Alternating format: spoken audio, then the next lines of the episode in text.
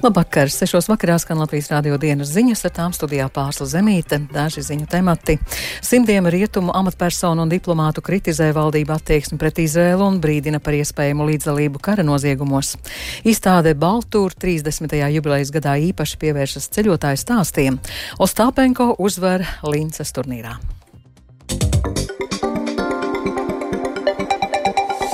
Turpinoties Izraels karām pret teroristisko grupējumu Hamas, Gazas joslās simtiem rietumu valstu amatpersonu un diplomātu parakstījuši publisku vēstuli, kurā brīdina savu valstu valdības par iespējamu līdzdalību kara noziegumos.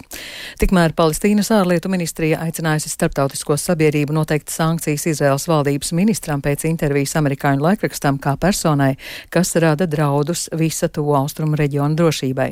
Ministrā Ben Gvira sacīto kritizē arī Izraels politiskajās aprindās. Stā stāsta Rustams Šukūraus.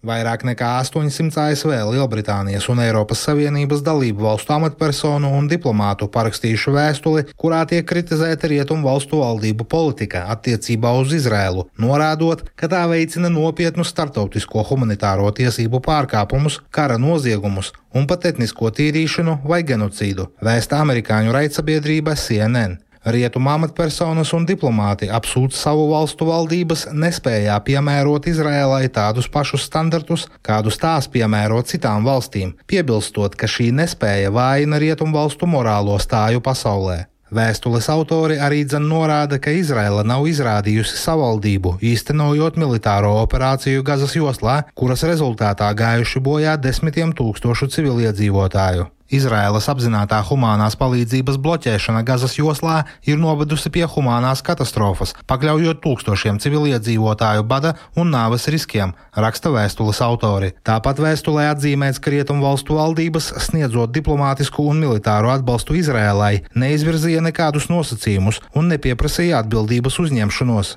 Saskaroties ar humāno katastrofu, mūsu valdības neaicināja nekavējoties pārtraukt uguni un izbeigt tik ļoti Gazas joslā nepieciešamās pārtikas, ūdens un medikamentu piegādes bloķēšanu, rakstīts Rietumu valstu amatpersonu vēstulē. Tikmēr Palestīnas ārlietu ministrija vērsās pie starptautiskās sabiedrības ar lūgumu pakļaut sankcijām Izraēlas nacionālās drošības ministru Itamaru Bengviru. Palestīnas ārlietu ministrija nāca klajā ar šādu aicinājumu pēc tam, kad amerikāņu laikrakstā The Wall Street Journal parādījās publikācija ar Bengvira sniegto interviju. Tajā galēji labējais Izraēlas ministrs ierosināja būvēt jaunas izrēliešu kolonistu apmetnes Gazas joslā un pieņemt ekonomisko stimulu programmu arābu iedzīvotājiem, lai mudinātu viņus emigrēt. Intervijā laikrakstam Bengvirs arī dzen vērsās pret ASV prezidentu Džo Baidenu. Tā vietā, lai sniegtu mums pilnīgu atbalstu, Baidens ir aizņemts ar humāno palīdzību un degvielu Gazai. Tas viss tiek nodots Hamas. Ja Trumps būtu pie varas, viss būtu pavisam savādāk. Intervijā laikrakstam The Wall Street Journal sacīja Bengvirs. Uz šiem Bengvira izteikumiem, tiesa gan tieši nepieminot ministra sacīto, rēģējis Izraēlas premjerministrs Benjamins Netanjahu. אנחנו מעריכים מאוד את התמיכה שקיבלנו מממשל ביידן מאז פרוץ המלחמה. Mēs ļoti novērtējam atbalstu, ko kopš kara sākuma esam saņēmuši no Baidena administrācijas. Atbalsts ar ieroču piegādēm, atbalsts startautiskajās organizācijās un spēku izvietošana reģionā un daudz kas cits. Tas gan nenozīmē, ka mums nav domstarpību taču līdz šim esam spējuši tās pārvarēt ar izlēmīgiem un izsvērtiem lēmumiem.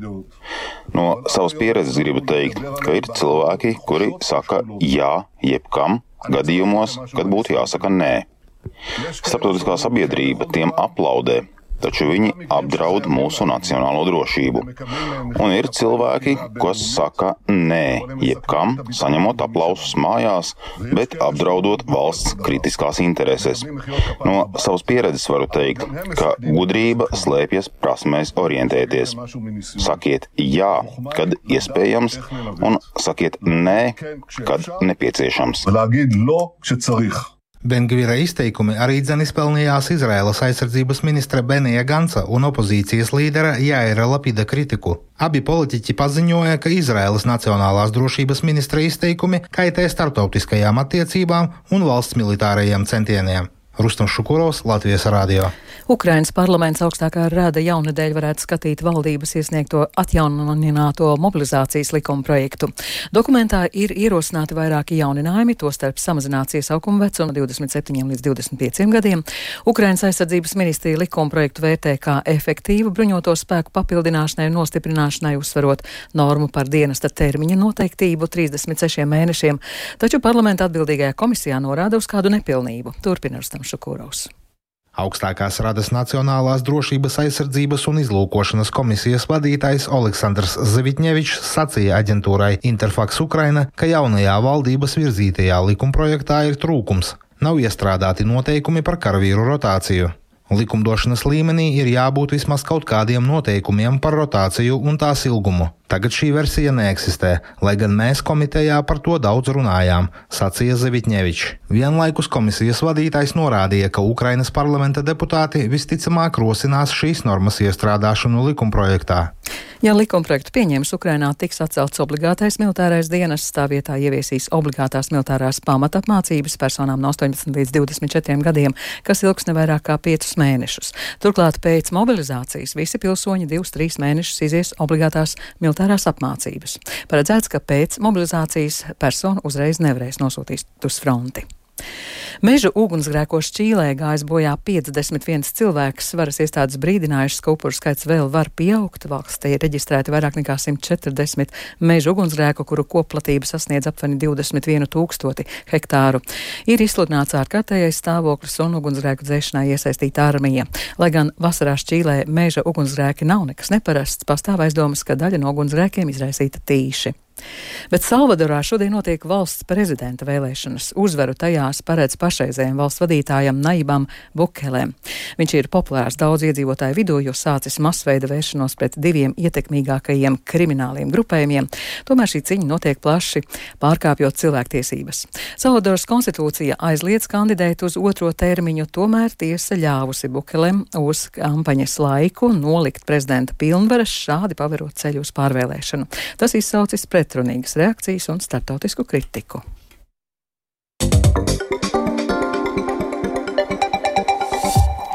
Lielākā reģiona turisma izstāde Baltūra Rīgā ķīpselā piesaistījusi ceļojumu aģentūru, avio kompāniju, viesnīcu, viesu nāmu un turisma informācijas centru darbiniekus gan no Baltijas valstīm, gan tālākām valstīm. Īpaši 30. jubilejas gadā izstādē izcelti ceļotāju stāsti. Kādas tendences gan izstādē, gan turismā kopumā noskaidrot devās Ieva Puķa. Lūk, Kuala Lumpura, Singapūra, un es domāju, tagad visas divas gadus sapelnīšu naudu Singapūrā un braukšu atpakaļ amfībijas taisīt uz Latviju. Totāli izgāšanās, vienkārši nepatika Singapūra. Aigars Lauzis, kurš gan vakar, gan šodien ar lekciju par ceļojumu uz velosipēdu no Londonas līdz Tokijai uzstājas turismu izstādē Ķīpselā, šeit piedalās gan kā stāstnieks, gan viens no uzņēmējiem. Piedāvā turismu pakalpojums. Viņa firma ražo divriteņus, amfībijas, un šī būs otrā vasara, kad tos varēs noīrēt uzņēmumu mītnē Smiltenes novadā, lai izmēģinātu darbībā vietējos ezeros. Mēs esam uzsākuši ražošanas līniju Valmjerā. Cilvēki brauc no Amsterdamas, Vācijas, Stokholmas. Mēs piedāvājam palikt nakšņot uz zemes, bet pārsvarā viss paliek uz ūdens. Pirmo reizi izstādes 30 gadu vēsturē visu trīs dienu garumā ar stāstiem uzstājās kaislīgi ceļotāji, tādi kā sociālo mediju satura veidotāja Kristīna Virsnīte, ceļojuma grāmatu autors Zana Eniņa un Ilona Balode. Vēl šodien iespējams noklausīties arī Latvijas pīļu un mūžu pieredzes stāstus. Sarunu vadīs asociācijas prezidents Roberts Grīnbergs, kurš ir arī Jelgavas novada Lielvircavas mūžas pārvaldnieks un atrodams asociācijas stendā. Tas izstādē atgriezies pēc 16 gadu pārtraukuma un ir viens no populārākajiem. Jā, šobrīd ar vien vairāk tiešām jauni cilvēki pievēršās tādam kultūra vēsturiskajam mantojumam, tā saglabāšanai un iegādājās savā īpašumā kādu jaunu objektu, kādu mūžu. Un tagad mēs arī ar bažām gaidām šo plānoto izglītības reformu, ka tiešām daudzas no šīm lauku skolām, kas atrodas šajās mūžās, kungu mājās, nu, visdrīzāk nākotnē nonāks kādās izsolēs, un tad arī būs jāmeklē jauni saimnieki sniegtām. Izstādē Ķīpselā piedalās vairāk nekā 300 dalību organizāciju no 34 valstīm, gan lielos kopstendos, gan mazos individuālos stendos. Rīkotājs Dainis Bricis atzīmē, ka no ārzemju pārstāvjiem šogad īpaši lielu interesi piedalīties izrādījuši Dienvidē Eiropas tūreparatori. Runa ir par Itāliju, Spāniju un tālāk par Balkānu valstīm, ja, kas šobrīd kļūst arvien populārāks un populārāks. Līdz ar to mums ir diezgan daudz dalībnieku no Melnkalnes. Mums ir no Albānijas pirmo reizi e, dalībnieki, ja. mums ir no Slovenijas dalībnieki, ja. Maķedonijas, Ziemeļkipras. Tā interese gan mūsu ceļotājiem par šo reģionu pieaug, un līdz ar to arī viņi brauc šurp, lai reklamētu savas iespējas. Šogad ir tāda milzīga itāļu pārstāvniecība. Itāļu valodu var dzirdēt daudzos stendos. Organizatori lēš, ka to būs apmeklējuši ap 30 tūkstoši cilvēku. Ieva Puķa, Latvijas radio. Par sportu Latvijas bobslēgste arī šodien Sigūda trasē tālu no medaļām, toties jauno sezonu ļoti veiksmīgi iesākusi Aļona Stapenko. Viņa Austrijā izcīnījusi savu astoto titulu karjerā. Zelta godalga šodien arī Latvijas kamaniņu braucējiem, un par visplašāk stāsta Lotārs Zariņš. Astoto vietējā titulu karjerā šodien izcīnīja tenisiste Āļono Stapenko finālā ar 6-2 un 6-3 pārspējot Jekaterinu Aleksandrovu. Līdz turnīra finālā Aleksandrova nespēja izrādīt pietiekam lielu pretstību Latvietei, un Ostapenko līdz ar uzvaru nopelnīja arī 500 ranga punktus. Jaunākajā pasaules rangā Ostapenko pakāpsies uz 11. vietu, savukārt sezonas rangā ieņems trešo pozīciju. Latvijas pilots Emīls Cipuls ar stūmēju Matīsu Mikni šodien Siguldā Eiropas čempionātā bobsleja divnieku sacensībās izcīnījis septīto vietu. Abi sportisti arī raksturoja šodien sacensības Siguldā. Sajūta jau kā vienmēr fantastisks. Fani ir sanākuši kuplā skaitā un jā, tiešām arī pat rāsu braucot var dzirdēt, kā, kā atbalstu. Tādā ziņā ir tiešām fantastisks sajūta. Nu, es teiktu, laikapstākļi ideāli priekš bobsleja arī priekš faniem. Trasa ir ātra, to var just. Tā kā, ka nobraukt nav viegli. Tikmēr otra pašmāja brigāde, pilots Jākaps Kalendē ar Edgars Unguru, ierindojās astotajā pozīcijā. Abi atlēti arī sniedz komentāru Latvijas radio. Nu, jā, apmierināti. Nu, nekas īpašs. Un braucam. Kas būtu jaunumā, lai būtu priecīgāks emocijas? Bobs trasē, Popinžē. Desmitniekā vairāk jābrauc, varbūt pat augstāk. Tā gribētos. Pilots skatās diezgan pieticīgi, bet es teiktu, diezgan laba sezona. Vismaz priekš mācībām tā, tā pirmā tā nopietnā sezona pasaules kausos. Tā ir bijuši ar devītā vieta mums labākā. Tā ir. Nu, jā, es piekritīšu ar pilotiem. Nu, gribētu tajā desmitniekā visu laiku turēties vairāk. Patīk, viennozīmīgi patīk. Nu, mājas sienas atbalsts. Es braucot Bobā aizmugurē, dzirdēju atbalstītājus. Nu, tā, tā kā patīkami, jā. Latvijas kamaniņu braucēji šodien Altenburgā pasaules kausa posmā komandu stafetē iegūs zelta godalgas. Latviju pārstāvēja Elīnija Vītola, divnieki Mārtiņš Bots, Roberts Plūme, Kristers Aparjots un dāmu doets Andu Upīta, Kitija Bogdānova. Latvijai lielu pārsvaru iekrāja tieši divnieku ekipāžas. Otro vietu ieguva ASV komanda, kas iepalika sekundē aiz Latvijas, bet labāko trīnieku noslēdza Rumānijas kamaniņu braucēji. Tikmēr dāmu viennieku sacensībās otro vietu Altenburgā ieguva Elīnija Vītola. Devītajā pozīcijā ir aprindojās Kendija Aparjoda, bet Sigita Bērziņa sacensības noslēdza 14. vietā. Par jaunāko sportā jums stāstīja Lotārs Zariņš. Un vēl šovakar Dailas teātrī notiks Nacionālās kino balvas lielais Kristaps pasniegšanas ceremonija. Balvas pasniegs 25 kategorijās, bet par mūža ieguldījumu suminās filmu mākslinieci Ievu Romānovu. Skatītāji ceremoniju varēs vērot tieši raidē Latvijas televīzijā un portālā LSMLV.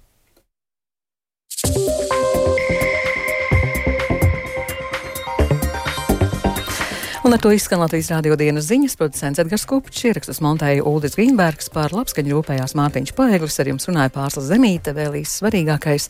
Simtiem rietumu apatpersonu un diplomātu kritizē valdību attieksmi pret Izrēlu un brīdina par iespējamu līdzdalību kara noziegumos. Ukrainas parlaments gatavojas skatīt jauno mobilizācijas likuma projektu, kas paredz arī samazināt iesaukuma vecumu. Yeah. Latvijas vidas geoloģijas un meteoroloģijas centrs informē Rīgā pat labam 4 grādi, rietumvējš 4 m2, gaisa spiediens 746 mm, gaisa relatīvais mitrums 71%. Latvijā gaidāms mākoņains laiks brīžiem skaidrosies, daudz vietu nokrišņi, pārsvarā sniegs, slapjš sniegs, vietām sniks stipri, ceļi slideni, rietumu ziemeļrietumu vējš 4,9, piekrastē 7,12, brāzmas 15,18 m2. Gaisa temperatūra naktī naktī mīnus 3 plus 2, vietām valsts ziemeļaustrumu rajonos līdz mīnus 5 grādiem, dienā mīnus 1 plus 3 grādi. Rīgā palaikam sniegs, slapjš sniegs, rietumu vējš 4, 7, pēcpusdienā ziemeļrietumu vējš 6, 9 brāzmas līdz 14 metriem sekundē. Gaisa temperatūra Rīgā naktī ap nulli, bet dienā plus 1 plus 2 grādi. Laika tips otrais - labvēlīgs.